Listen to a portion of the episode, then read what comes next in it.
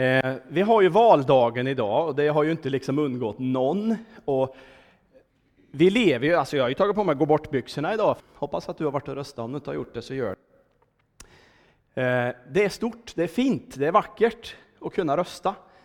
Eh, Evelina fick rösta idag för första gången, min 18-åring. Eh, jättehärligt, kul. Och nu fortsätter vi och ber för Sverige och för makthavarna. Därför att de har ett tufft jobb. Det är en ganska stökig vecka som ligger framför. Så var med och pusha och be för veckan som ligger framför. Det är många viktiga beslut som kommer att behöva tas. Nog om valet. Förra gången jag var här så eh, pratade jag om att eh, tillsammans så är vi kyrkan. Eh, och innan jag kort, kort, kort repeterar det så vill jag såklart tacka för att ni tog hit mig igen. Det var ju modigt. Jättetacksam för det och jag ser fram emot att få se nyllet av er i Deje också någon gång när vi har gudstjänst, om det råkar ha vägen förbi. Tillsammans är ju vi kyrkan. Vi pratade om att vi är levande stenar i husbygget, Guds församling. Och Gud har ju egentligen bara en församling. För jag menar, skulle den här kåken försvinna, då skulle ju inte församlingen här dö, eller hur? Därför att församlingen är ju vi. Du och jag, vi människor. Och vi är inte beroende av den här byggnaden på det sättet, utan det är ju vi som är församlingen. Och vi läste i första Korinthierbrevet att ensam är inte stark. Och hela, hela Bibeln pratar om att gemenskapen och församlingen är en byggnad och liknar den vid en kropp där du får vara tåspetsen och någon annan får vara högra skinkan och mer än så går vi inte in i detaljer. Och jag tänker att jag fortsätter lite grann på den tråden med tillsammanskapet och eh, tänker att nästa bild är att idag ska vi bara kort beröra att göra verkstad av tron. Eh, och varför jag pratar om sådana här saker, det är för att jag är ganska pragmatisk själv. Eh, jag tycker inte om omständiga saker, utan jag tar gärna genvägar om det går. Och, och jag kör gärna eh, ja, lite fortare om det går. Därför att jag, jag vill liksom komma fram. Men jag tror också att det är en del i en ledares hjärta att vilja ta sig fram. Men det är också en del i ditt hjärta, oavsett om du är ledare eller inte, så har vi alla människor ett behov av att ta oss fram. Och hur tar vi oss fram? Ja, hur blir konsekvensen av mitt möte med Jesus? Mose, en av giganterna i Bibeln, han mötte ju Gud, alltså när, när Gud kallade Mose och gav honom den enorma uppgiften att ta folket ut ur fångenskap så, så säger ju Mose liksom, hallå, vem är jag? Hur ska jag fixa det här? Och i andra Mosebok 4 och 2 så säger Gud, vad har du i din hand? Ja, en stav, sa han. Och du vet, jag tror att om Mose hade haft en kanna i sin näve, så hade han svarat, ja, en kanna. Och om Gud frågar dig idag, vad har du i din hand? Ja, jag har en telefon. All right. Vet ni vad Gud sa till Mose? Jag vill använda staven. Om du har en slev i näven idag, eller om du har en telefon, om du har en eh, hammare, så vill Gud använda det är ju i ett sammanhang idag i livet. Jag har mitt jobb eh, och du har din vardag. Jag vet inte om du har ett jobb eller om du pluggar eller om du är barn eller ungdom eller om du är pensionär. Men du har någonting som fyller din vardag. Och jag är så övertygad om att Gud vill använda dig och mig i vardagen. Och därför så tror jag på att göra verkstad av tron. Därför att när griper tag i mitt hjärta, då blir det verkstad. Därför att då vill jag få ut det här någonstans. Vi kan ta nästa bild som vi egentligen redan har pratat om. Vad har du i din hand? Alltså börja fundera på vad du har i din hand. Börja fundera på vad du har för färdigheter. Om jag är inte bra på något. Jo, det du visste. Låt inte fienden lura dig att du inte är bra på något. Alla har vi gåvor. Och använd det du har och det du kan. Jag hade en idé om att jag skulle försöka att imitera Sam Wollin här idag. Men så inser jag ju liksom att ja, det skulle ju för det första bli ganska komiskt att se mig som en blek kopia av Sam. Och för det andra så skulle det inte bli speciellt bra, för att jag, jag, jag, tror inte ni skulle fokusera på vad jag ville ha fram, utan jag tror ni skulle fastna i karbonpappret. Det är bättre att jag försöker vara ett bättre original av mig själv. Det är bättre att du försöker att vara ett bättre original av dig själv.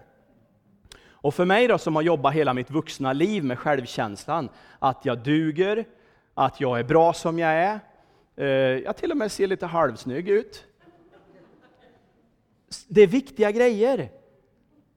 Och du behöver också acceptera dig själv som godkänd.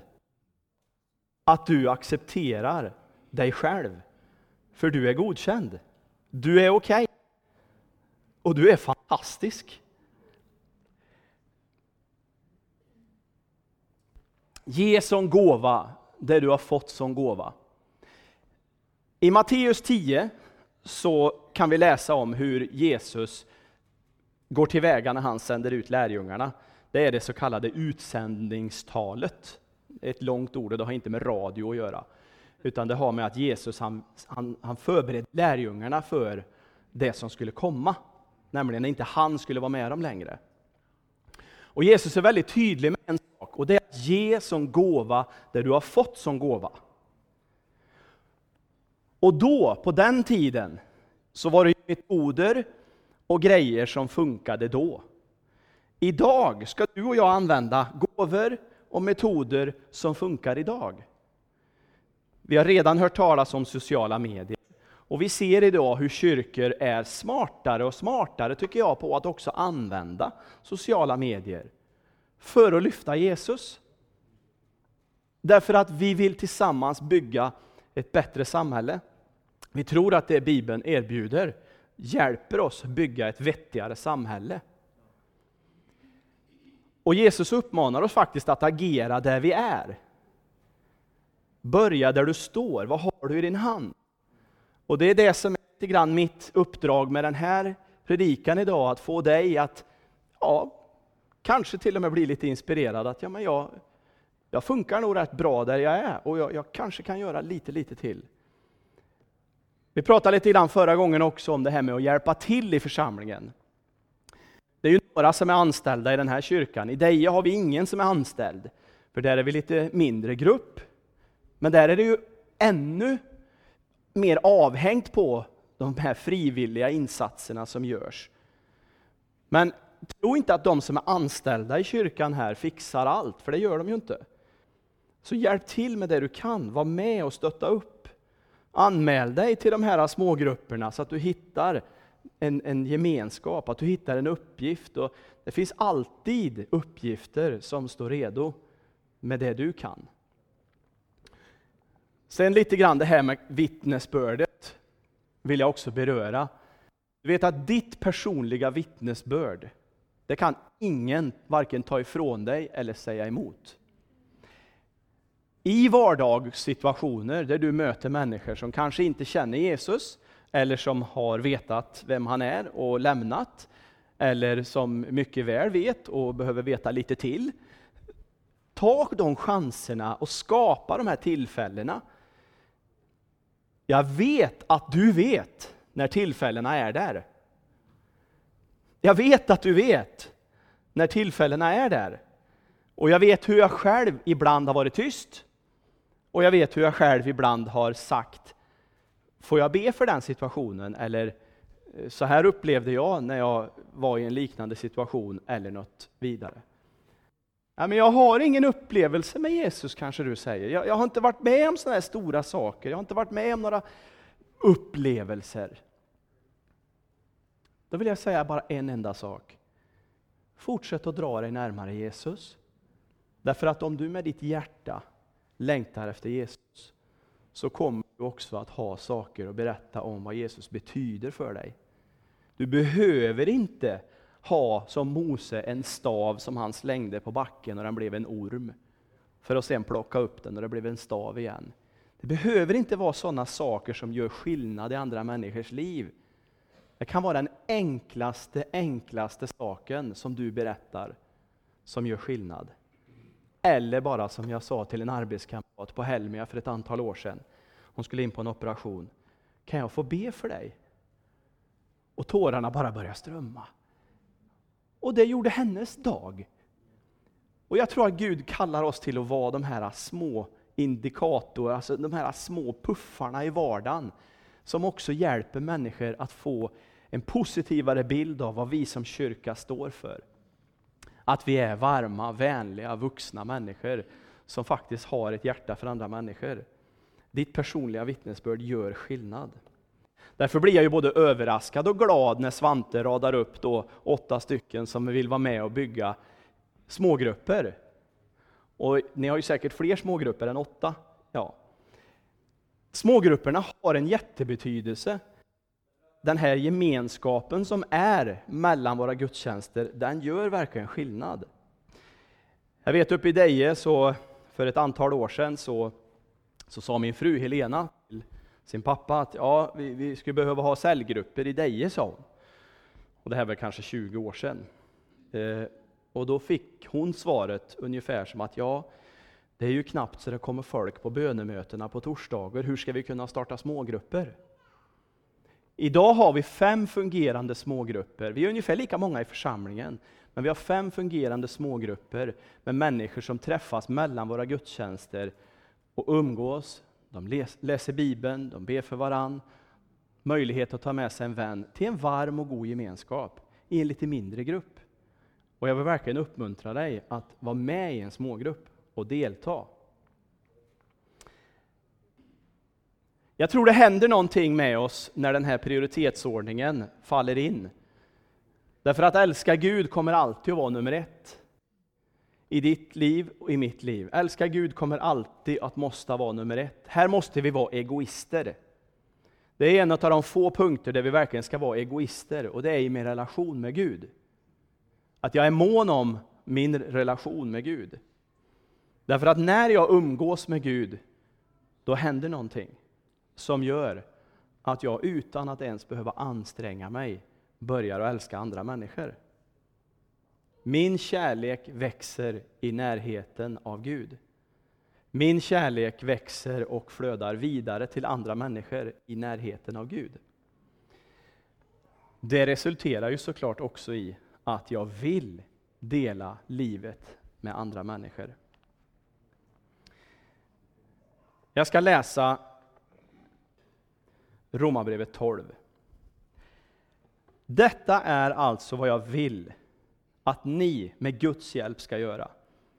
Ni ska ta allt ni gör i det vanliga vardagslivet, sova, äta, jobba, gå och bära fram det som offer till Gud. Att ta emot och acceptera det som Gud gör för er, det är det bästa ni kan göra för honom. Bli inte så välanpassade till samhället att ni lever och passar in utan att tänka. Ha istället alltid Gud i tankarna. Då kommer ni att förändras inifrån. Ge akt på vad han vill och var snabba med gensvar. Vi ska alltså inte ha en församling där vi säger kom som du är och bli som oss. Utan vi ska ha en församling som säger kom som du är och bli ännu mer den du är. Tvärt emot andan i samhället ni lever i, som skulle dra ner er till sin egen omogna nivå, lockar Gud fram det bästa hos er och låter er mogna som människor. När förändringen får komma inifrån och ut. Ni vet själv om någon försöker att på er, eller om någon försöker att lägga krav på er, att förändringen då kommer utifrån och in. Men det som händer i gemenskapen när jag älskar Gud, då kommer förvandlingen inifrån och sipprar ut. Jag säger detta av idel tacksamhet till Gud för att allt han har gett mig. Framför allt eftersom jag har plikter gentemot er. När man som ni lever helt och hållet i nåden, Guds förlåtelse, som han ger fast man inte har någon rätt till den. Då är det viktigt att man inte får för sig att det är man själv som skänker någonting till Gud. Nej, det är Gud som ger det åt en. Vi kan bara förstå oss själva genom att tänka på hurdan Gud är och vad han gör för oss. Inte genom att tänka på hurdan vi själva är och vad vi gör på honom. Alltså ett omvänt perspektiv. Vi lever i ett samhälle där jag ska prestera, jag lever i en yrkesroll på mitt jobb där jag ska prestera, där jag har en budget som jag måste nå upp till. I relationen till Gud så är det precis tvärtom. Att älska Gud och förändringen börjar sippra ut från insidan. Vi är som olika kroppsdelar i en och samma kropp. Vi förstår vad kroppsdelarna är till genom att se på hela kroppen och inte tvärtom. Kroppen vi pratar om är Kristi kropp som består av de han har valt ut. Vi finner meningen och syftet med vårt liv som delar av hans kropp. Utan honom är vi inte till mer nytta än ett avhugget finger eller en avskuren tå. Men eftersom vi nu alla är så skickligt och underbart formade kroppsdelar, så fyller alla möjliga syften i Kristi kropp. Låt oss då ta av det vi var tänkta till. Utan att jämföra med varandra, utan att blänga avundsjukt eller högfärdigt eller se ner på varandra, utan att låtsas vara något som vi inte är. Det här är så fantastiskt befriande för mig. Det är så befriande för mig att jag får slappna av och vara den jag är. Och jag vill att du ska få slappna av och vara den du är. Predikar du, så predika bara Guds budskap och inget annat. Hjälper du till, så var bara till hjälp och försök inte ta över. Undervisar du, så håll dig till det. Ger du goda råd, tröst och uppmuntran, akta dig så du inte bara med folk. Om det är din uppgift, material, Eh, materiellt bistånd till behövande, så håll ögonen öppna och dra inte benen efter dig. Arbetar du med människor som har det svårt, akta dig för att reta dig på dem eller tappa modet. Håll humöret uppe. Vilken utmaning! Vilken utmaning! Det är ju bland det värsta jag vet, folk som inte levererar. Jag blir så trött. Det är sant. Gud ger mig tålamod. Min familj är vittne. Älska av hjärtat. Låtsas inte. Fly för livet från det onda. Kämpa för livet, för det goda. Var vänner som älskar varann. Öva på att spela andra fiolen. Det är också en utmaning. Bränn inte ut er. Håll lågan brinnande. Var mästarens påpassliga tjänare. Muntra och förväntansfulla. Ge inte upp när det blir tufft. Be desto mer. Hjälp kristna i nöd. Hitta alltid nya sätt att visa gästfrihet. Det är lite häftigt. Hitta nya sätt att visa gästfrihet. När vi ser att någon har det tufft, det kostar ju lite då att sträcka handen. Det gör ju det. Men oj vad det är värt det. Välsigna era fiender, dela inte ut några förbannelser i smyg. Skratta med era vänner när de är glada och gråt med dem när de är ledsna. Var hyggliga mot varann, sätt inte näsan i vädret. Bekanta er med folk som inte är något. Var inte den som ska vara finare än andra. Ge inte igen, se det vackra i varje människa. Var sams med alla om ni kan. Älta inga oförrätter, det är, inte ens, det är inte er sak. Det är jag som dömer, säger Gud. Det är min sak, säger Herren. Skrift säger att om en ovän är hungrig ska vi bjuda honom på lunch. Och är han törstig ska vi ge honom något att dricka. Din vänlighet besegrar honom med godhet. Låt inte ondskan få övertaget över dig. Se till att få övertaget över ondskan genom att göra gott. Jag tycker det här är ett av de bästa kapitlen i hela Bibeln. Jag har läst det här så många gånger och jag tycker det är så fantastiskt varje gång. Och det är en sån påminnelse. Jag har läst någonstans att man ska repetera eh, sin, vad ska man säga, i mitt jobb så får jag ju vissa utbildningar när det gäller när det gäller företagsamhet, när det gäller målstyrning och så vidare. Och då pratar vi bland annat om att, att vi ska repetera våra mål och visioner var 90 dag. Ungefär var tredje månad så behöver man repetera mål och visioner för att man ska hålla sig liksom ajour med vad det är vi gör. Och jag märker att det är ju faktiskt likadant i församlingen, att vi måste repetera vilka mål och visioner vi har. Vi är inte ett företag, vi är inte en vinstdrivande organisation, utan vi är en församling. Men vi jobbar mot ett mål, och i den församlingen behöver vi ha en organisation, och en plan och en strategi för att nå målet. Och där är Jesus tydlig med att vi ska vara smart. Vi ska använda de resurser och gåvor som vi har. 13 kapitlet så handlar det lite grann om politiker där också, men det tar vi inte idag. Mer verkstad. Jakobs brev 1 och 22 ska det ju stå. Bli ordets görare, inte bara dess hörare, tar ni miste. Den som hör ordet men inte gör vad det säger liknar en man som i en spegel betraktar sitt eget ansikte. Han ser sig själv men går därifrån och har strax glömt hur han såg ut. Men den som har blickat in i den fullkomliga lagen, frihetens lag, och håller sig till den och inte glömmer bort vad han har hört, utan verkligen gör något, han blir salig genom det han gör. Det blir en välsignelse av att göra det Jesus säger att vi ska göra. Det här med smågrupperna, det är ju faktiskt en coachning för oss också, tänker jag. Det blir ju en, en ett bollplank där vi kan hjälpa varann.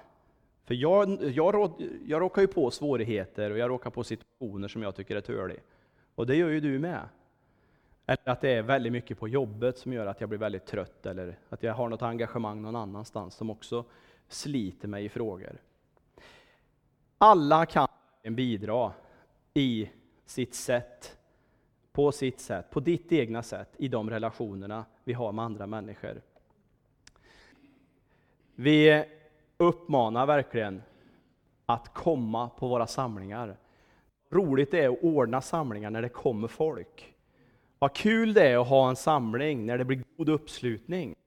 Och ännu roligare när det blir nya människor, när du bjuder med dig någon som blir ny, som får för första gången sätta sin fot här. Det här med hemgrupper har vi pratat om och eh, jag tycker också det här med våra hem är en viktig grej. Bjud hem någon. Bjud på fika eller mat. Träffas över en lunch. Umgås med varann och bygg relationer. Gå ut på en promenad. Min yngsta tjej Elin, det är hopplöst att få ett samtal med henne ända tills vi går på en promenad.